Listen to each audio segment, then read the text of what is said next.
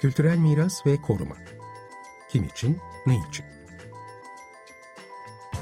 Hazırlayan ve sunanlar Asu Aksoy ve Burçin Altınsay.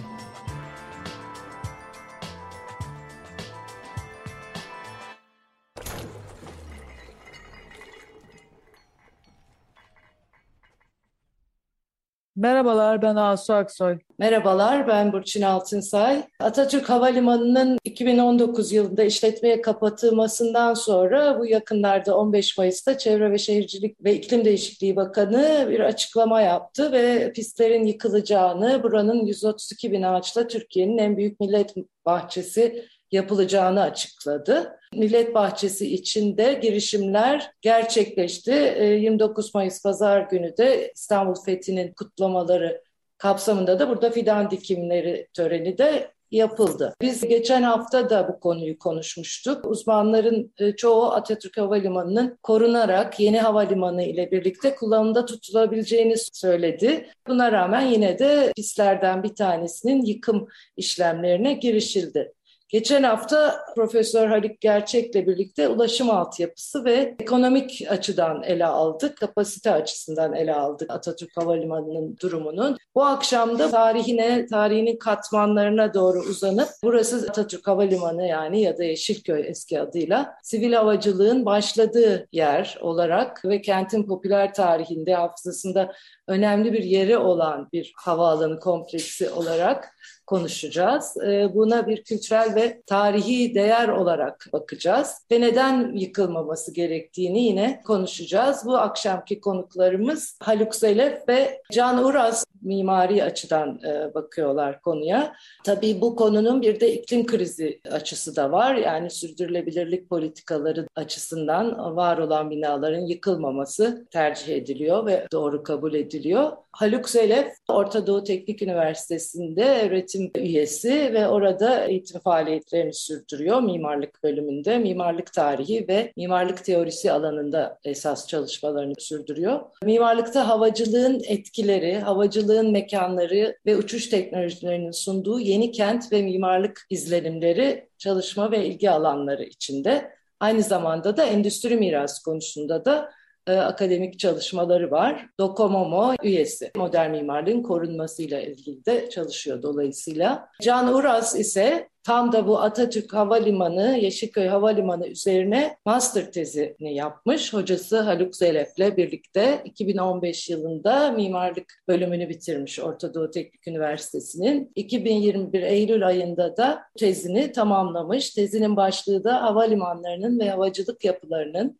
endüstriyel miras açısından yeniden işlevlendirme önerileri İstanbul Atatürk Havalimanı örneği. Tam da konumuz yani. Dolayısıyla biz de bu akşam hem hocası hem öğrencisini birlikte konuk ederek bu konunun endüstri mirası açısından ve tarihsel e, katmanları, değerleri açısından konuşmaya karar verdik. İlk soruyu Haluk Zelef'e yönelteyim. Merhaba diyelim istersen. Evet, hoş, hoş geldiniz. geldiniz. hoş geldiniz Haluk, hoş vakit geldiniz. Vakit kısa Can. yani Bulduk. Merhaba. Şimdi bildiğimiz adıyla Atatürk, özgün adıyla Yeşilköy Havalimanı 1953 yılında e, sivil ticari uçuşlara açılmış. Sivil havacılığın başladığı yer olarak biliyoruz ve kent popüler tarihinde de yeri var. Fakat aslında bu konumdaki, bu yerdeki havacılık faaliyetleri çok daha eskilere gidiyor ve çok daha katmanlı bir geçmişin izlerini taşıyor burası. Burada artık yerinde olmayan yapılar da var. Şimdi siz bize bu havacılık faaliyetleri burada, bu konumda nasıl başlamış, nasıl gelişmiş, bunların mekansal yansımaları neler olmuş, bu tarihsel katmanları çözümleyince ortaya neler çıkıyor? Geçmişteki havacılık faaliyetleriyle nasıl ilişkileniyor gibi bir dizi soruyu yanıtlayarak başlayabilir misiniz Haluk? E, merhabalar. E, öncelikle bu alanın ismi konusunda birkaç şey söylemek belki iyi olur. Sizin dediğiniz gibi öncelikle Yeşilköy sonra da Atatürk Havalimanı olarak tanıyor İstanbullu bu alanı ama ilk kuruluşunda Ayas Stefanos balon ve tayyare istasyonu olarak geçiyor. Yani daha e, semtin ismi bile Türkçe'ye dönüştürülmeden önce buradaki faaliyet başlamış. Yani buranın tarihi e, çok daha e, eski. İlk kullanım amacı tabii askeri e, her havacılık tesisinde olduğu gibi diyebileceğim.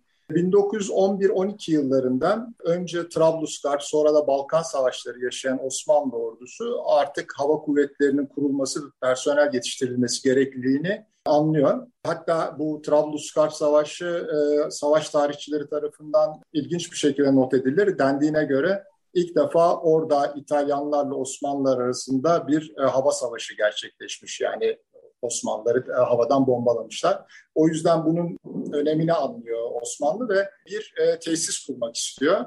Tesisin ilk hedefi de askeri eğitim ve bakım tesisi olması, kendi personeli yetiştirmek. Havacılığın bu ilk dönemlerinde sadece uçakları düşünmemek gerekir. Balonlar, zeplinler, deniz uçakları gibi aslında büyük bir çeşitlilik var e, havada. Tayyare Mektebi de bütün bu değişik araçları kullanabilecek, bunların bakımlarını yapabilecek insanları yetiştirmek hedefine yönelik. Ee, sivil havacılık için e, ilk gelişmeler ise Cumhuriyet dönemiyle birlikte ortaya çıkıyor. Yani 1950'lerden daha önceye de uzanıyor bu sivil havacılık gayreti. E, 1920'lerde iki ayrı tesis e, yabancılar tarafından İstanbul'da kuruluyor.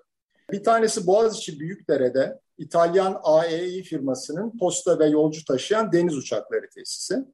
Diğeri ise Yeşilköy'de bir e, Fransız-Romanya e, şirketi ki bu Sidna ismini taşıyan şirket daha sonra Air France'ı oluşturuyor. Yani Fransız Ulusal Hava Yolları'nı. Bu iki tesis e, Türkiye'yi daha da çok İstanbul'u yurt dışıyla e, bağlıyor. Yeşilköy'ün kent ile bağlantısı gerek tesisin kurulduğu bu dönemde gerek daha sonraki kent planlaması döneminde yani bu Prost'un 1930'larda başladığı kent planlama süreçlerinde hep önemli bir faktör.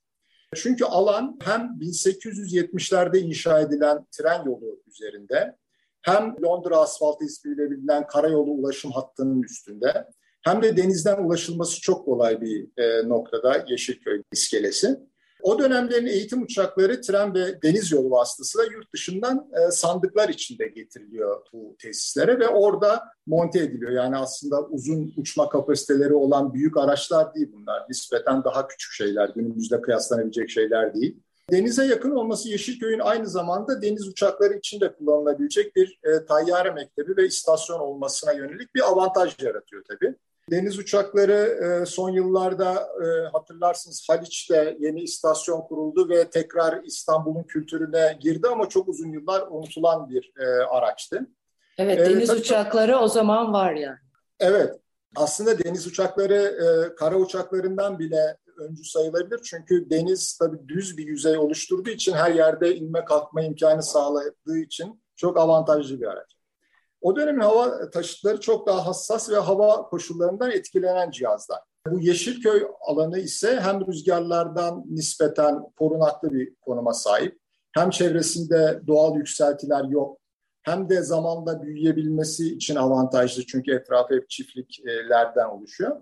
E, o yüzden e, bu e, Yeşilköy seçimi aslında çok avantajlı bir seçim ve bu avantajını günümüze kadar korumuş.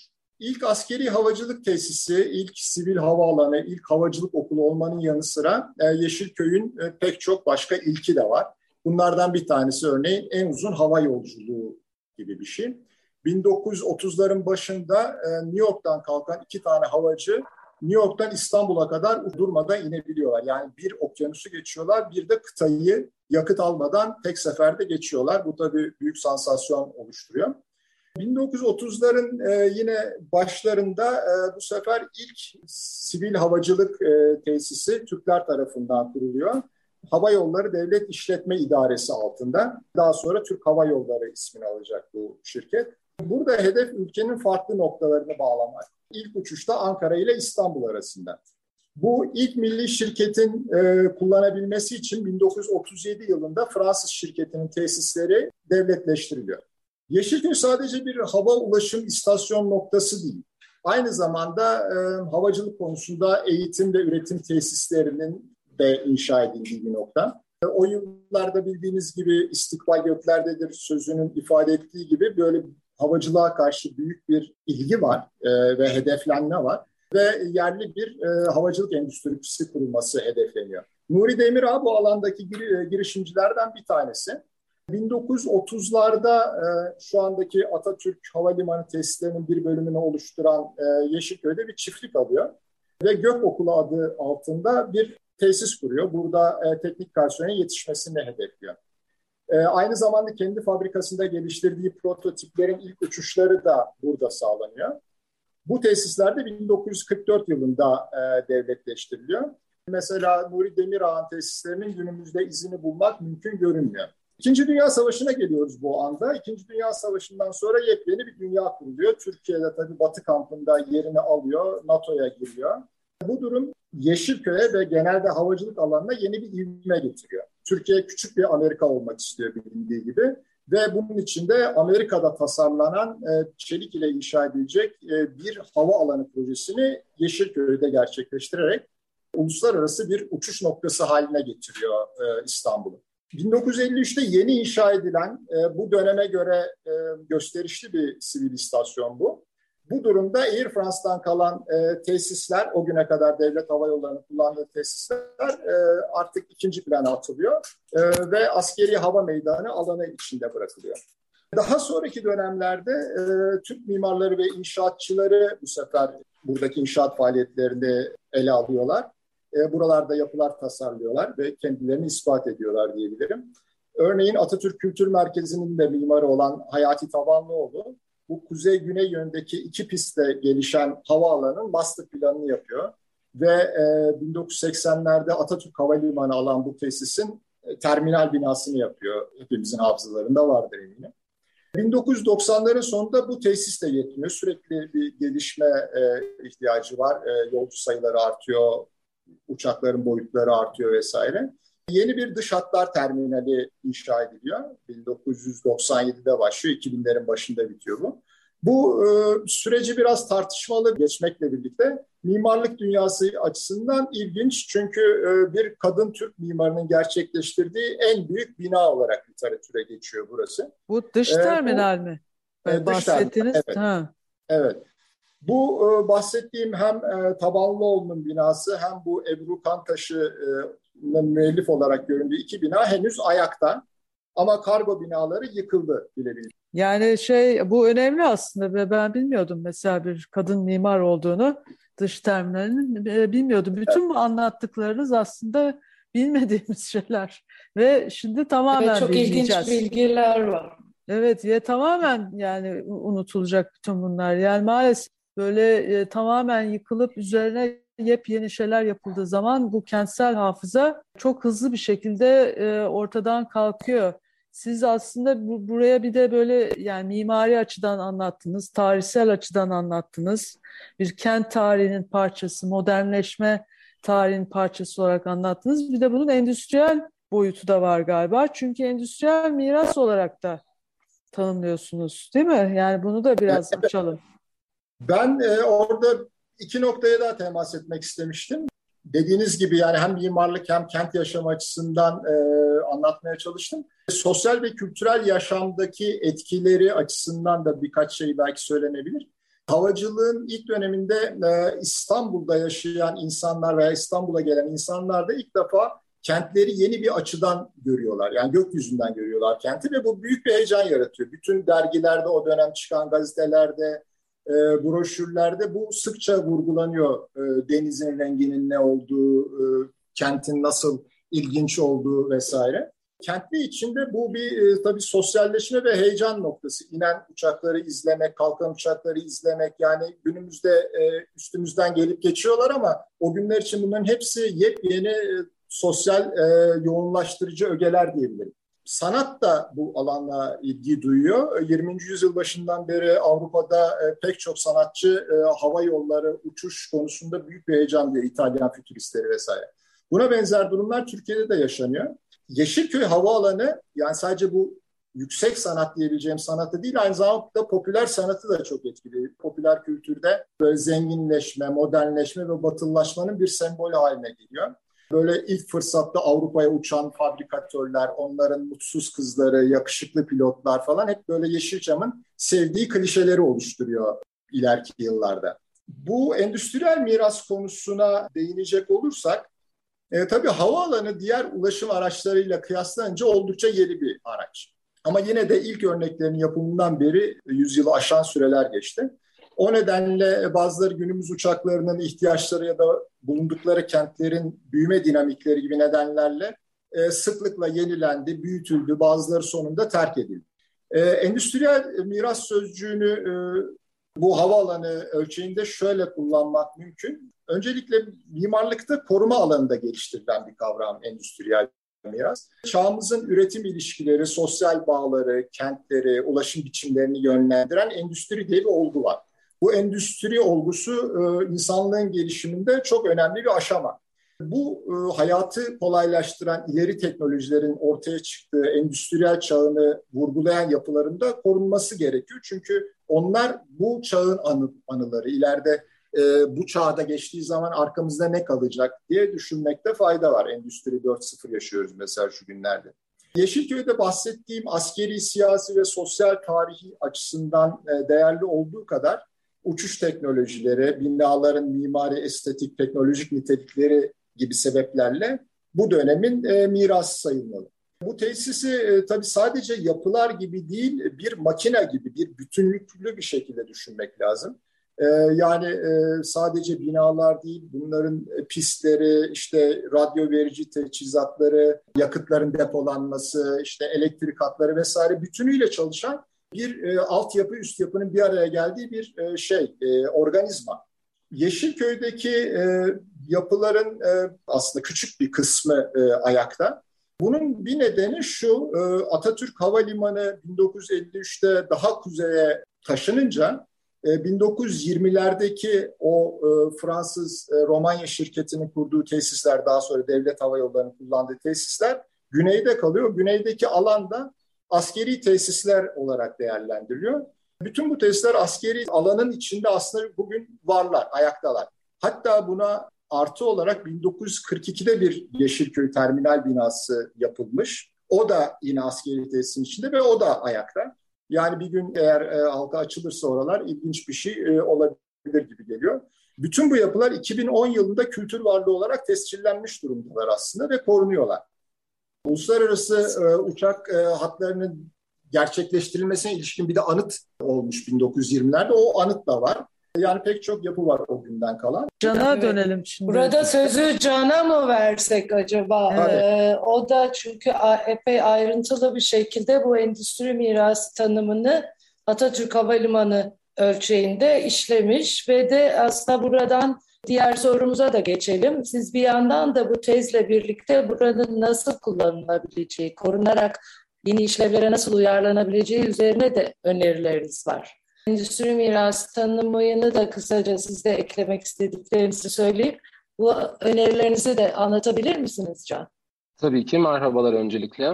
Denildiği gibi aslında mimari açıdan havalimanı tipolojisi 20. yüzyıldan itibaren görülmeye başlanıyor ve ilk örnekler Haluk Hocam'ın da bahsettiği gibi askeri amaçla kuruluyor. Ama sonra süreç içerisinde sivilleşiyorlar ve aslında bütün bir tarihe baktığımızda bunlar sadece bir terminal yapısı olmakla kalmıyorlar. Aynı zamanda hem askeri hava üssü hem hava araçlarının üretimi ve bakımına yönelik bir endüstri tesisi hem pilot ve diğer personelin eğitimini sağlayan bir okul hem de aslında sivil yolcu terminal olarak hizmet veriyorlar. Bu açıdan baktığımızda aslında Atatürk Havalimanı da sadece bir yolcu terminali olarak tanımlamanın yetersiz olduğu sonucuna varıyoruz. Bu olan Osmanlı döneminden başlayarak günümüze kadar Türkiye havacılık endüstrisinin merkezi diyebileceğimiz bir öneme sahip. Bu açıdan Atatürk Havalimanı'nın kapanma, yıkılma veya yeniden işlevlendirme süreçlerini tartışmadan önce ilk önce bu alanın endüstriyel miras olarak tanımlanmasının önemli olduğunu düşünüyorum. Diğer sorunuza geleceksek, tezimde bahsettiğim yeniden işlevlendirme senaryolarına geçmeden önce bu örneğe benzer ve Atatürk Havalimanı'nın ölçeğindeki örneklere de baktım. Dünyada da havalimanlarının yeniden kullanımları var. Bunlar Berlin Tempelhof, Paris Le Bourget, Hong Kong Kayıtak ve Atina Elenikon havalimanlarıydı. Büyüklüğünün anlaşılması adına söylemek isterim ki Atatürk Havalimanı bu örneklerden alan olarak en büyük olan Atina Havalimanı'ndan bile bir buçuk kat daha büyük bir alanı kapsıyor aslında. Yani aslında dünyadaki en büyük belki havalimanının yeniden dönüşümünü konuşuyoruz bu noktada. Tekrar örneklere dönecek olursak bu havalimanların kapatıldıktan sonra genel bir yaklaşım olarak merkezi otoritelerin bu alanları imara açmayı kararı alıyorlar ve sonrasında halkın bununla bir tepkisini olduğunu görüyoruz. Bu havalimanlarının çoğu Atatürk Havalimanı'nda olduğu gibi bulundukları ülkelerin en yoğun şehirlerinden ve doğal olarak halkın bu alanları yeşil alan olarak görmek istedikleri eğilimi çıkıyor. Özellikle bu noktada Berlin Tempelhof örneği bu açıdan ilginç oluyor. Havalimanı kapandıktan sonra mimari yarışma sonucunda bir proje açıklanıyor. Fakat Berlinliler tarafından büyük tepki görüyor bu proje. Bu durumun sonucu olarak da referanduma gidiliyor ve proje iptal edilip mevcut alanın olduğu gibi park olarak açılması sağlanıyor bu süreç sonunda. Yani nasıl ee, kullanılacağı için bir referandum yapılıyor öyle mi? Evet, evet. %50'nin üstünde az, bir... Az görülür örneklerden yani. Evet. Böylece aslında Atatürk Havalimanı için olan yeniden işlevlendirme senaryoma odaklanabiliriz. Şehrin rekreasyon yeşil alan olması. Dünyadaki en büyük 40 şehre baktığımızda, yeşil alanlarını kıyasladığımızda e, İstanbul %2.2 ile en son sırada yer alıyor ne yazık ki. Atatürk Havalimanı metro, kara, deniz ve diğer ulaşım seçenekleri düşünüldüğünde bu alanın sadece bölgeye yani bulunduğu ilçeye değil aslında tüm İstanbul için büyük bir potansiyel olduğu aşikar. Hem bu açıdan Büyük İstanbul depremi için de bir parantez açıldığımızda bu alanın mevcut durumuna yakın bir şekilde kurumasının da önemli olduğunu söyleyebiliriz. Buradan hareketle arazinin kuzeyinde yer alan bölgenin yani bahsettiğim yer e, mevcut yapılar ve E5 arasında kalan alanın ağaçlandırılarak yeşil bir ara bölge olmasını öneriyordum. Pistleri demiyorsunuz. Yok yok hayır. Ara, evet. Orada değil. Sadece yapılarla E5 arasında kalan bir buffer zone.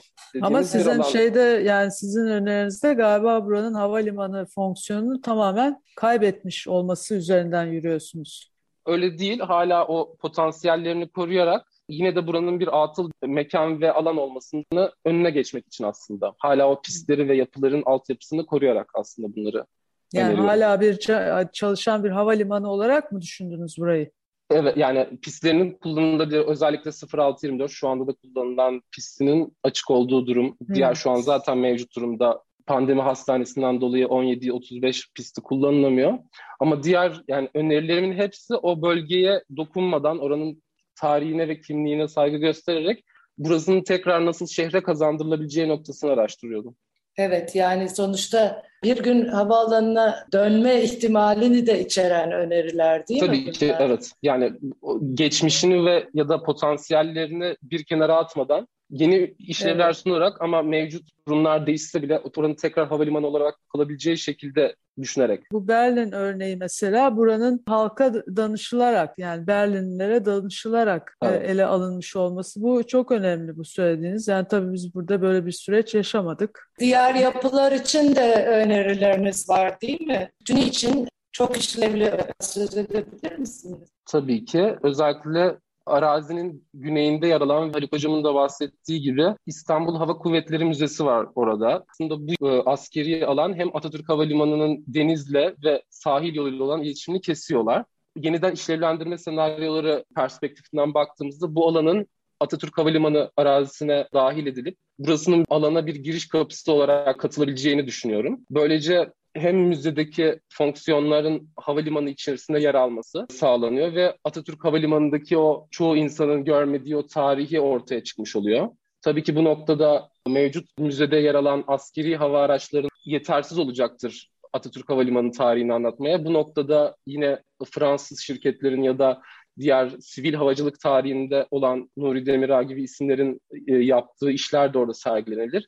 Ve bu hatta müze kapalı mekanlardan biraz daha açık alanlara taş taşarak gelen ziyaretçilerin, o güneyden gelen ziyaretçilerin parka bir şekilde keşfetmesini, teşvik edilmesini düşünmüştüm. Bunun yanı sıra son olarak da etkinlik alanından bahsedecektim. Burada açıkçası daha pistlerin ve havalimanının altyapısının potansiyellerini düşündüğümüzü bahsedebiliriz. Burada da yine diğer incelediğim dünyadan bir örnek olan Paris Le Bourget Havalimanı'nın altını çizmek istiyorum. Bu havalimanı kapandıktan hemen sonra müzeye dönüştürülüyor ve aynı zamanda iki yılda bir düzenlenen Paris Air Show isimli dünyanın en büyük havacılık fuarlarından birisine ev sahipliği yapıyor.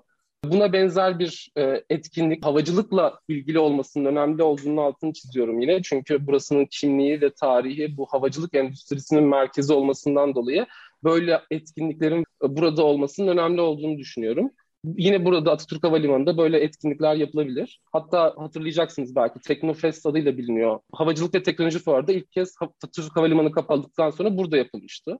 Bunun dışında havacılık sektörüyle ya da havacılık endüstrisiyle ilgili etkinliklerin dışında müzik festivalleri gibi büyük alan gerektiren etkinlikler de düzenlenebilir. Örneğin e, yine hatırlarsınız 2013 yılında en son gerçekleşmişti. Rock Festivali vardı. Şehrin en önemli etkinliklerinden biriydi o senelerde.